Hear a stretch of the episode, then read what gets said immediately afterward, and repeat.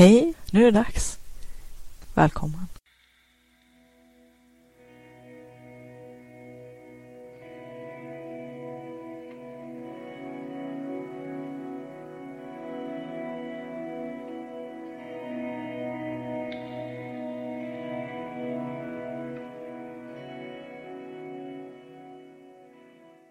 Vill du uppleva mera kreativitet och flow, få mer kvalitetstid till ditt skapande och kreativa liv, mer energi och lust, tillgång till dina kreativa superkrafter?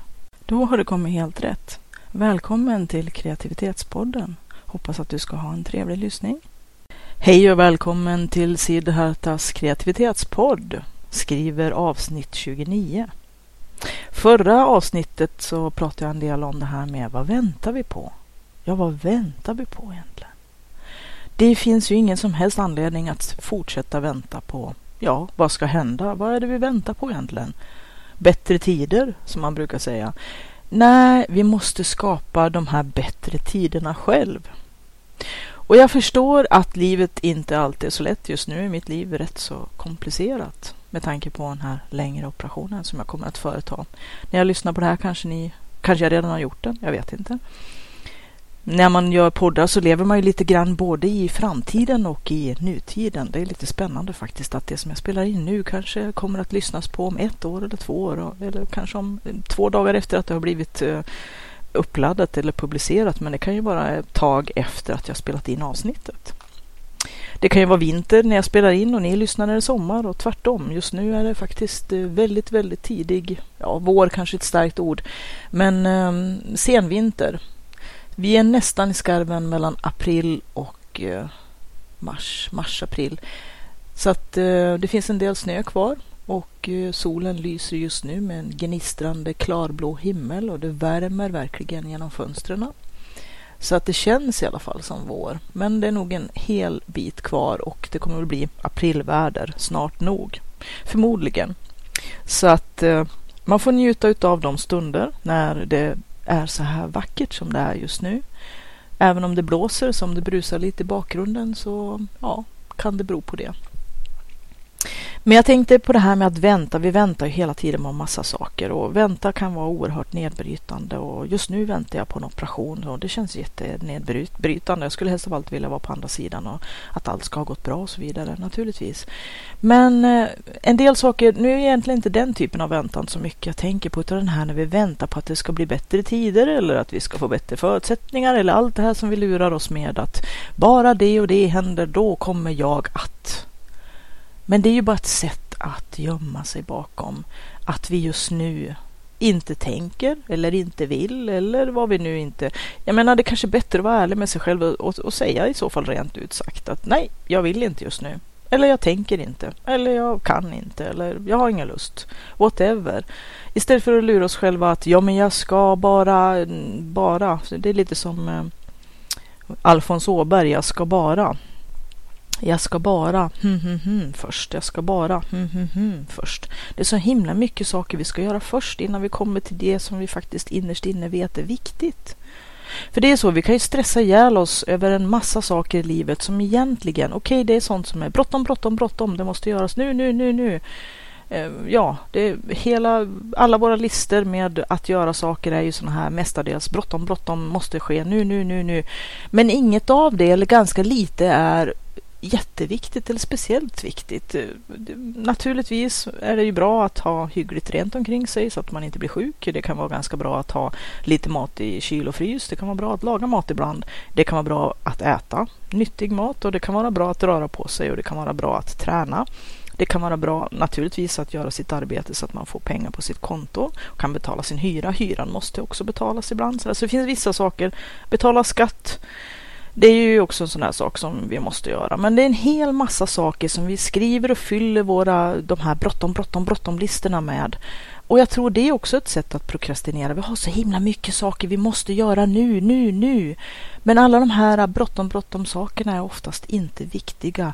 Inte när man börjar tänka på att livet och tiden är en ändlig resurs.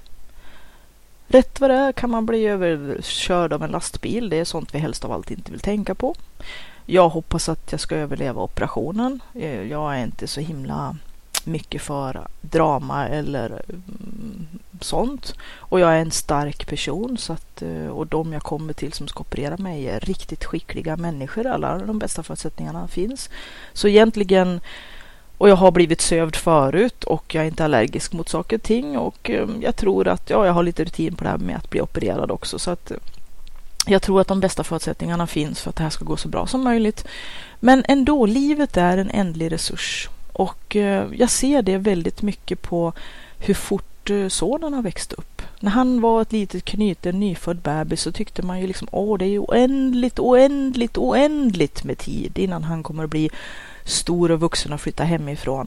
Det känns ju som eoner bort, i alla fall just då när man eh, Eh, ja, som sagt, de är eh, högljudda i den ena änden och oförskämda i den andra. Och det tar ju ganska mycket tid där med. Man, de måste ha mat och kläder och man måste springa till barnavårdscentralen och det ena med det andra och sådär va. Så att, eh, men det är en fantastisk tid och det är klart när man är trött och utkörter och bara hoppas på att få sova en timme sammanhängande. Så är ju barndoms den här mm, småbarnsperioden att eh, mitt emellan eh, glädje och fantastisk glädje och fantastiska upplevelser med barn som det faktiskt är. Barn är en oerhörd eh, inspirationskälla för att de verkligen är kreativa innovativa och de har inga hämningar, inte byggt upp så mycket mentala blockeringar som, som eh, vi vuxna. Varför måste vi bli så tråkiga när vi, när vi blir vuxna, brukar jag tänka ibland eh, otroligt vad fort folk kan stagnera så fort de har passerat gymnasiet. Då verkar de slå in backen eller något sånt där, många i alla fall liksom prata om eh, husvagnssemestern 73 och, och sen har de inte läst och de har inte utvecklats och de har inte tänkt och de har inte pluggat. De har inte gjort någonting. De fick sitt jobb och så sen så vart det helgbläckan och jag vet inte. Det kanske är lite mm, att spetsa till och generalisera det. Men just det här att bli vuxen, varför ska det behöva vara så himla trist och tråkigt? Varför man, måste man bli en sån torr och, och, stagnerad individ som sen bara tar sig mellan ICA och, och eh, arbetet och, och, sängen och tv-soffan och sådär? Det tycker jag känns lite grann onödigt. Livet är här och nu och vi måste försöka göra det bästa möjliga av det. Och för mig är det det kan ju vara väldigt, väldigt olika vad vi tycker är det viktigaste i livet. Eller ja, viktigaste, nu ska vi kanske inte rangordna på det sättet, det blir så himla radikalt då. Men om man tänker eh, hälsa, att må bra, att vara frisk, som man, man säger. Att eh, de allra flesta har väldigt mycket önskningar. Den som är sjuk har bara en. Men att sköta om sig själv, sin egen hälsa och sitt mående som jag pratade en del om i förra avsnittet. Det är ju jätteangeläget. Också att sköta om våra relationer och de som vi har runt omkring oss. Vår familj, släkt, vänner. De som, som, ja, som är viktiga för, för oss och för att vi ska kunna ha ett så bra liv som möjligt och för att de ska kunna ha ett så bra liv som möjligt. Men jag kommer lite grann ifrån eh, det jag tänkte säga just det här att sonen när han var ett litet knyte så tyckte man att det var oändligt med tid. Nu är han 12 år och uh, har kommit i, ja, han har växt radikalt. Han har växt om mig nu. Stora karn, rent ut sagt. Och uh, nu ser man ju faktiskt 12 år, det är ju inte, inte jättelång tid. Men nu ser man ju ändå, ja, han kan ju rent teoretiskt kanske börja plugga på gymnasiet och välja en linje som ligger på annan ort redan när han är 16. Det är fyra år. Det är inte lång tid.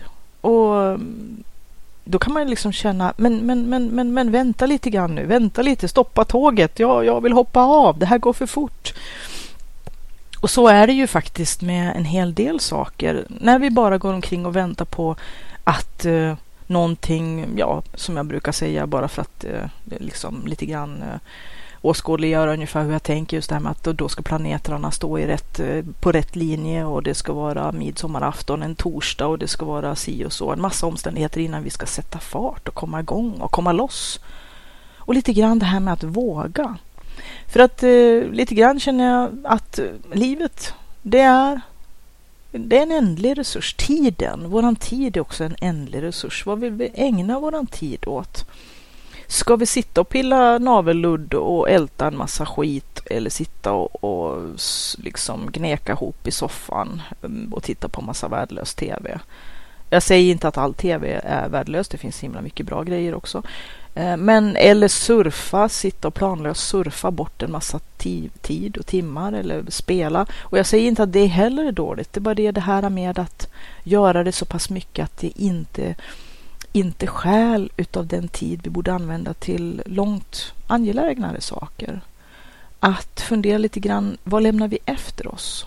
Och det vi lämnar efter oss, jag har pratat om det i något tidigt avsnitt, just det här, jag tänker inte på att uh, se till att få sin staty i stadsparken eller något betongkomplex som en del gubbar uh, roar sig med att försöka göra sig själva odödliga med eller sådär. Utan jag tänker mera på vad är det som vi kommer att lämna efter oss?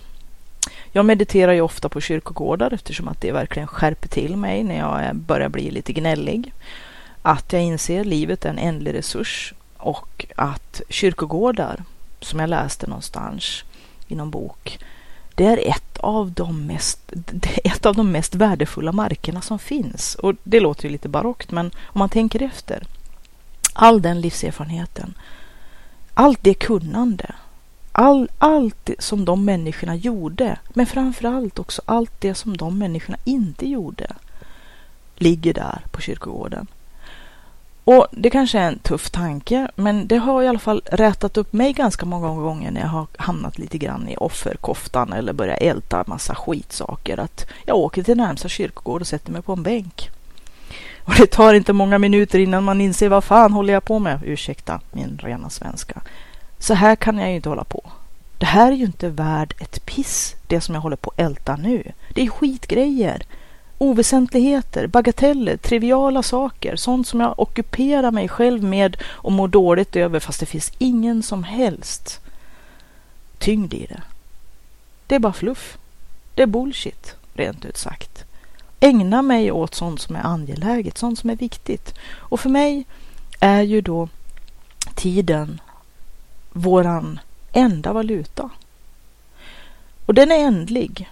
Och då gäller det att använda sina guldmynt på ett så bra sätt som möjligt. Sitta och pilla naveln och titta på förnedrings-tv, mm, det är inte, i alla fall inte för mig. Och eh, överhuvudtaget har jag jättedåligt tålamod med tv. Ehm, så. Jag kan titta på en bra film som jag väljer själv ibland, sådär, på datorn. Det, det tycker jag, det räcker. Eh, väldigt sällan. Inte mer än en gång i veckan, max faktiskt.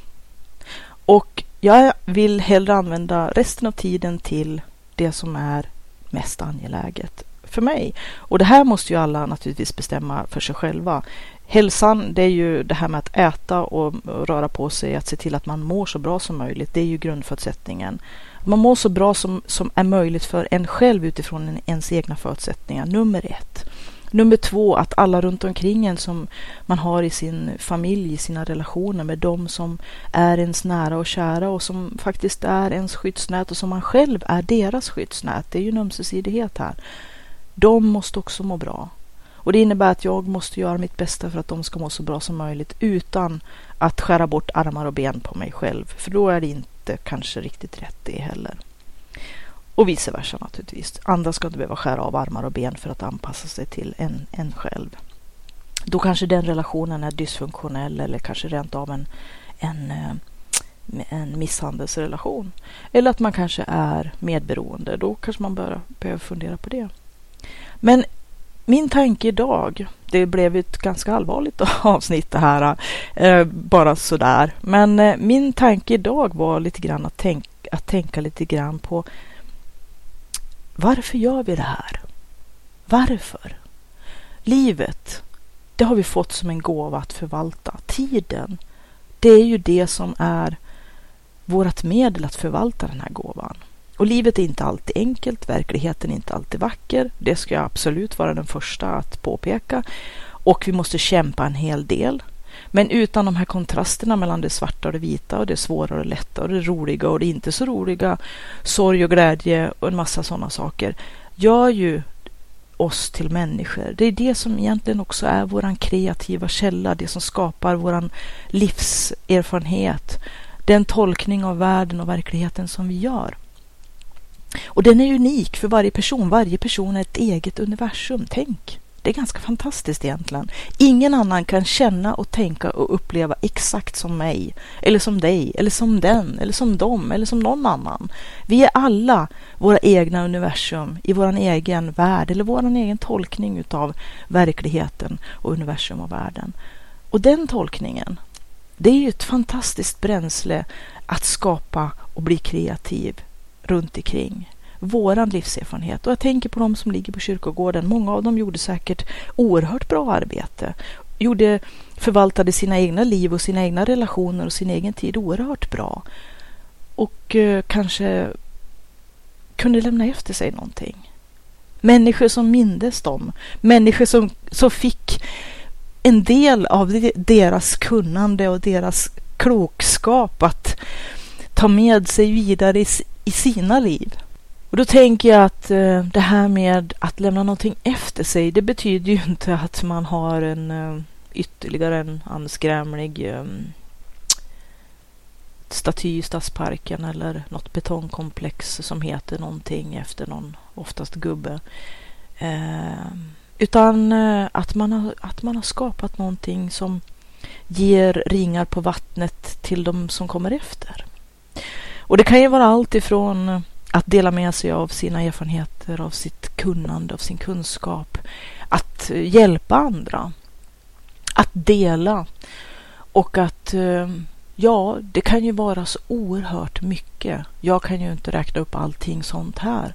Men det kan ju också vara en organisation, ett företag, ett entreprenörskap. Att man har stöttat, varit mentor åt andra som sen får starkare vingar att själva föra vidare det arvet eller den kraften, levnadskraften och glädjen. För att jag känner livet, livsglädjen, det är väl den som verkar hamna efter vägkanten för så många. När vi liksom, dels brottas vi naturligtvis med livets realiteter, det går inte att komma ifrån, det är lika för alla.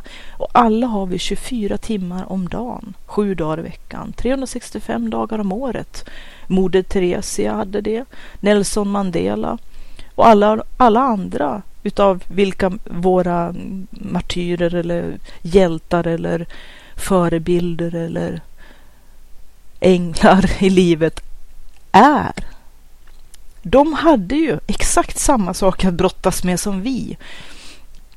Och eh, förmodligen också ganska liknande begåvning. Det finns väl en del som är Eh, oerhört begåvade men det är inte säkert och kanske mer sällan att de som är ultrabegåvade blir de som lämnar någonting efter sig också. För egentligen kommer man ju tillbaka till det här som jag sa i förra avsnittet. Vad väntar vi på? Många som kanske tänker för mycket, som har lite för mycket att tänka med, de tänker och tänker och tänker och det hela är bara en enda mental process men som aldrig aldrig leder till någonting konkret, någonting som förändrar världen eller omgivningen eller gör någon skillnad helt enkelt. Det behöver inte vara stora saker, bara att se en annan människa. Att ge den bekräftelsen som andra kanske behöver för att kunna komma vidare i sina, sina processer, i sitt liv.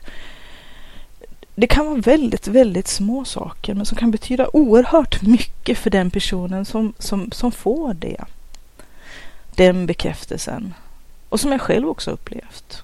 Vissa saker som jag aldrig kommer att glömma men den personen kanske inte ens kommer ihåg eller ens noterade det som var så stort för mig. Så vad väntar vi på? Och jag tänkte att jag skulle ta en liten sak som jag tänkte på angående den här podden. Jag eh, vid något tillfälle, vi har ju alla våra ups and downs. Vi har bra dagar, vi har dåliga dagar, vi har dagar när allting är jämngrått. Vi är där under den där blöta yllefilten och undrar vad det är för idé med alltihopa. Jag menar, vi har alla sådana dagar. Även jag har mina blue days som jag brukar säga, även om att många inte ser det eftersom att jag är en väldigt aktiv och skapande och kreativ person med tusen miljoner projekt och idéer och järn i elden och som inte tycker om att uh, vara still helt enkelt, den här hyperaktiva genen. Men jag har också dagar när jag känner att nej, idag blir det kanske inte så mycket för mig. Jag får väl bara acceptera det och tänka att det blir en bättre dag imorgon. Att förlåta sig själv och ta hand om sig själv och vara sin egen bästa vän. Det är det som vi också tycker jag är ganska dåliga på. Vi är väldigt hårda mot oss själva oförlåtande och kärlekslösa gentemot oss själva. Och vi ställer oftast i alla fall så mycket högre krav på oss själva än vad vi gör på alla andra. Och vi är väldigt, väldigt kritiska mot oss själva, den här negativa självrösten som bara går på auto-repeat och som upprepar alla de här negativa, det här negativa självpratet och de här negativa rösterna från vårt förgångna eller ja, vad det nu kan vara som jag pratat om i tidigare avsnitt också. Men eh, att eh, ta hand om sig själv, sköta sin hälsa, sköta sin mat. Jag blir lite rädd när jag tittar i affären när jag själv är där och handlar hur många som verkar mer eller mindre konstant leva på tre energidrycker och en chokladbit. Jag tycker om choklad, absolut. Energidrycker tycker jag verkar lite för vårdliga. Men nu verkar folk pumpa i sig så mycket socker och energidrycker som innehåller så mycket gräsliga ämnen och ingenting annat. De ger inte kroppen ens något vettigt bränsle. Sen tycker de det är konstigt att de mår som, ja, mår skit rent ut sagt. Men alla vet väl, jag menar om man skulle försöka hälla socker i tanken på bilen eller inte ge den ren bensin eller ja, diesel, vad man nu kör för någonting. Bilen skulle inte gå en meter. I värsta fall skulle väl motorn haverera och motorblocket skära och det ena med det andra spräcka några topplockspackningar. Men när det gäller våra egna kroppar och det bränsle och det som vi själva ska ha för att få den energin. Och då pratar jag inte bara om den fysiska energin vad det gäller energi och mat och näring utan också den mentala. Vad har vi för mental omgivning och miljö? Var, var, var vistas vi någonstans? Jag menar, om man hela tiden konstant konsumerar eller blir exponerad för eller utsatt för jämmerdal och elände och katastrof och en, jag menar världen och verkligheten är inte vacker. Jag ska absolut vara den första att erkänna det. Men måste vi frossa i det? Måste vi verkligen gnugga nosen i varenda skithög som vi kan hitta bara för att, jag vet inte, vi är duktiga på att plåga oss själva. Jag menar, ibland kan jag känna så här, är det någonting jag inte tänker göra någonting åt aktivt? När jag inte gör någon skillnad, ska jag verkligen hålla på att eh, frossa eller fratt, frottera mig med saker som inte jag kommer att bidra till någon förändring till? Antingen går man in i någonting all in och man kanske kan välja sina strider, man kanske inte kan eh, bli eh, någon superhjälte på vartenda område. Vi kanske kan välja något område. Bidra någonstans, göra skillnad någonstans delta i, i någon organisation som man tror på eller göra ett faktiskt konkret, kon, konkret verkligt eh, arbete någonstans i någon del av vårt samhälle, i våran värld, där vi gör skillnad, där vi kan hjälpa andra. Vi kan inte göra allt, ingen människa kan göra allt, men vi kan alla göra någonting. Och så sen känna att om jag gör det som jag kan och alla andra gör det de kan, då skulle vi få en helt annan värld. Det skulle bli en förändring. Men att vi bara kan förändra oss själva och göra det bästa. Och eh, sen måste vi lite grann bestämma vilka de striderna ska bli. Man kan inte helt och hållet eh, avskärma sig eller svära sig fri. Man måste ju lite grann, vi måste allihopa ta en del av vårt ansvar. Men vi kan inte ta allas ansvar, vi kan inte ta allt ansvar för det skulle vara helt omänskligt, orimligt. Ingen av oss är Gud. Eller universums härskare som min son brukar säga. Men jag känner det att vi måste också kanske ifrågasätta, säga nej till oss själva. Hur mycket djävulskap ska jag exponera mig själv för och, och konfronteras med eller konsumera? Sitter vi och konsumerar andras olycka via nyheter och tv och tidningar? Jag vet inte. Eller hur mycket förnedrings-tv och eh, fördummande elände vi ska sitta och, glo på på tvn eller i, man kan unna sig att bläddra i, i ett eh, i något slags eh, magasin eller någon tidning eller någonting sånt där. Men om man gör det till ens enda eller en stor del av ens lediga tid eller så, det kanske inte är så himla konstruktivt. Men att vara lite kritisk, självkritisk också på det sättet att säga nej till sig själv ibland. Nej, jag har fått nog med, ja, det räcker med att hålla mig uppdaterad så och så mycket. Begränsa min Facebooks tid till en halvtimme, 40 minuter maximum om en, på en dag bara för att hålla mig ajour med vad mina nära och kära sysslar med som jag inte har direkt kontakt med som lever kanske på andra ställen i landet eller världen eller ja, för det sociala. Men stanna där, att se till att begränsa sitt intag utav en massa saker som vi konsumerar idag. Allt ifrån kanske inte så himla smarta hälso eller energidrycker till, till en massa smörja i media. Om det är på datorn eller tvn eller i tidningarna eller hur vi nu konsumerar det i telefonen eller hur vi gör. Och byta ut det mot någonting bättre. Någonting som för oss själva framåt. Någonting som för oss och vårt liv framåt och som kanske ger oss någonting som vi kan vidarebefordra till andra ifall att de vill ha det. Och jag tänker då på min podd som jag hade. Jag var inne på det jag skulle egentligen säga, men, men eh, jag ehm, kom in på lite andra saker. Just det här att vi har alla dåliga dagar och en del dagar som jag tänkt varför håller jag på med den här kreativitetspodden? Det är väl ganska bortkastad tid. Jag sitter och arbetar stenhårt med att prata in eh, saker som jag tycker har hjälpt mig i mitt kreativa liv för att eh, bidra och dela och hjälpa andra. Och det är ju en fin tanke, men det tar ju jättemycket tid och sen ska det redigeras och så ska det laddas upp och det ska skrivas texter och det är en massa runt omkring hand, handhavand, ursäkta, handhavandet och publicerandet utav en, ett enda poddavsnitt. Varför hålla på med det? Det är kanske är ganska bortkastat. Jag kanske skulle göra saker och ting som gör skillnad för min familj eller för mig själv. Eh, kanske jag något som jag tjänar pengar på istället. Och ibland tappar man lite grann, eh, man går vilse lite grann. Och eh, jag, det slog mig plötsligt, och speciellt också med tanke på den här operationen, den här stora operationen, att ja, men anledningen till att jag från början gjorde den här kreativitetspodden, skapade den och ville syssla med den, det var ju för att jag ville lämna någonting efter mig. Inte för att eh, vara dramatisk på något sätt, men jag menar någonting som kan ge ringar på vattnet och kanske för dem som det berör kan hjälpa. Den som tycker att de här sakerna som jag i mitt liv har kommit fram till har hjälpt mig, som jag försöker dela med mig, kanske kan hjälpa andra vidare i sina processer. Om, om det skulle vara så skulle det vara en fantastisk fin grej. Och det är ju därför som jag gör det faktiskt. Så att, ehm, ja, ibland kanske man, som jag också tidigare har sagt och som hela tiden också har varit lite grann av en, ett stående motto eller eh, så för mig när folk har frågat om jag tjänar pengar på ditt och tjänar pengar på datt. Allting hamnar, handlar alltid om pengar. Tjänar man pengar på att göra vapen eller på att göra en massa skit och smörja som man kan sälja knark och droger och jag vet inte, ja, sånt, bara man tjänar pengar så är det, så är det ju jätteokej. Pengar. Bara känner man tjänar pengar på det, då är det ju liksom allt förlåtet. Då är det värt någonting. Då är det märkvärdigt. Då är det bra. Då har du fått en automatisk bekräftelse, vilket skit man än tjänar pengar på. Men sånt man inte tjänar pengar på, det ses nes på. Och det verkar inte folk uppskatta ett dugg. Eller? Jag vet inte.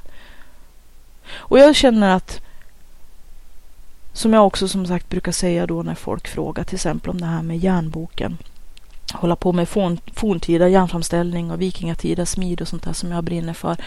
Eh, föra fram en del av vår historia och, och, lite grann om arkeologi och tekniskt hur saker och ting har växt fram och ja, en massa sådana här intressanta saker. Kulturhistoria. Det finns inga pengar i det. Men man måste göra vissa saker med hjärtat och vissa saker med hjärnan.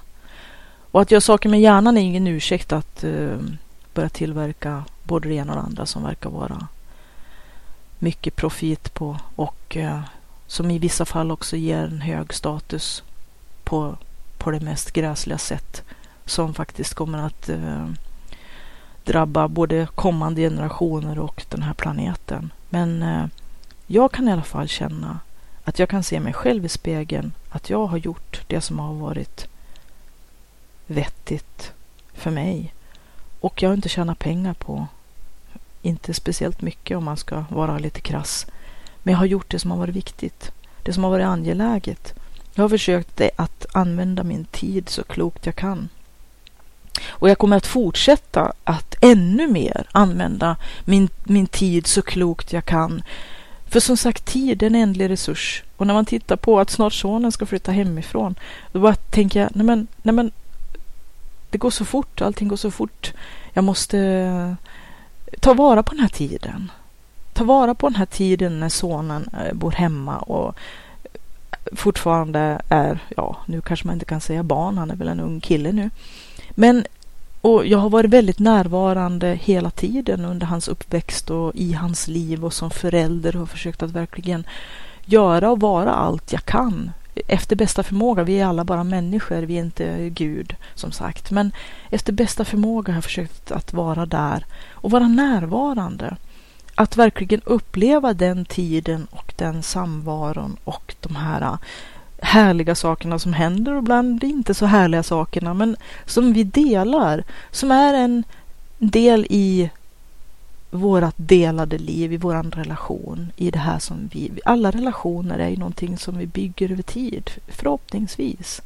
Och relationer, jag föredrar att ha relationer som är lång, långa.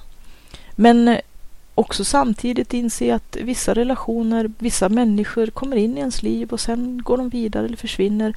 Och eh, lika gäller för en själv också, men att varje person som har kommit in i ens liv har haft en, en viktig uppgift eller en, ett, ett slags eh, uppdrag. Att jag kan se det att många människor som har kommit och gått i mitt liv har tillfört mig saker som har varit så oerhört angelägna och som har blivit de viktiga stenarna som, som här eh, stegstenarna för mig på min egen livsstig.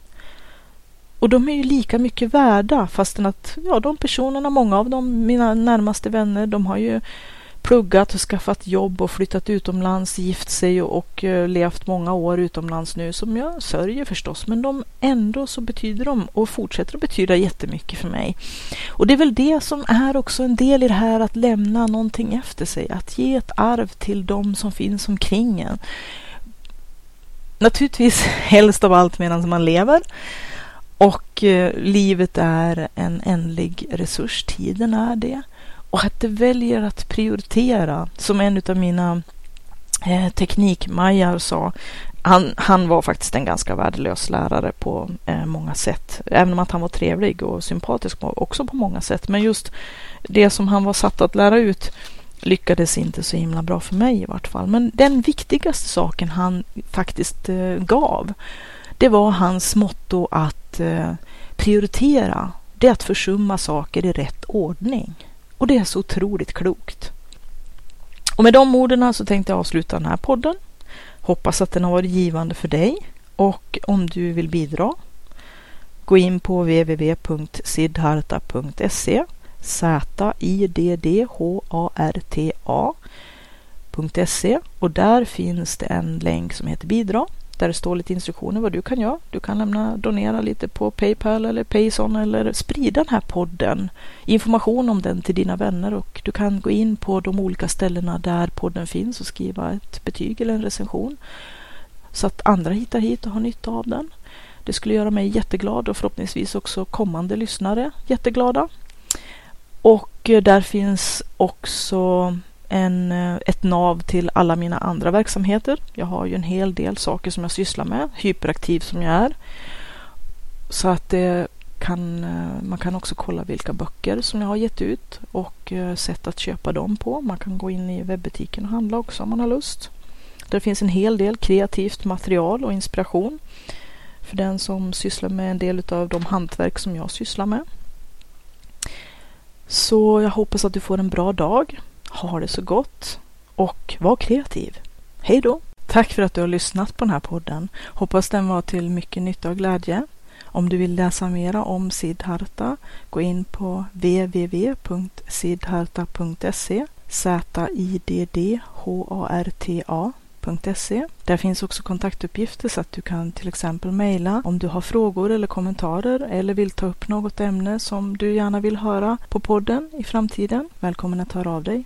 Kreativitetspodden har också en egen Facebookgrupp så att om du söker på kreativitet eller kreativitetspodden så hittar du kreativitetspodden på Facebook. Anmäl dig gärna där som följare så får du uppdateringar löpande om nya avsnitt och saker som händer på kreativitetsfronten. Du kan också gå in på www.sidharta.se och klicka på länken högst upp till vänster bidra för att se vad du kan göra för att hjälpa den här podden att fortleva och att visa ditt stöd. Så gå in där på bidra så ser du hur det går till. Jag som driver kreativitetspodden heter Katrin Sidharta Tangen och jag är författare, järnsmed, driver www.sidharta.se och Sidhartas webbutik. Jag har skrivit flera böcker, bland annat Skapa och sälj, som är en handbok för entreprenörer, kreativa och skapande människor. Jag har skrivit Forntida järn, Ancient Iron, som handlar om forntida järnframställning och eh, vikingatida järnsmide. Jag har även skrivit Pitch 13, som är en serie i genren Dark Urban Fantasy och eh,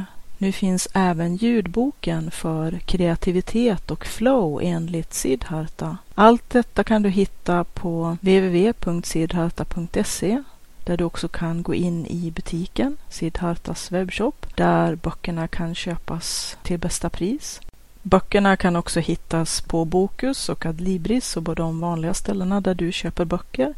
E-böckerna kan också köpas via Kobo och eh, Amazon med flera ställen där e-böcker säljs. Ha det gott. Tack för att du har lyssnat. Hej då!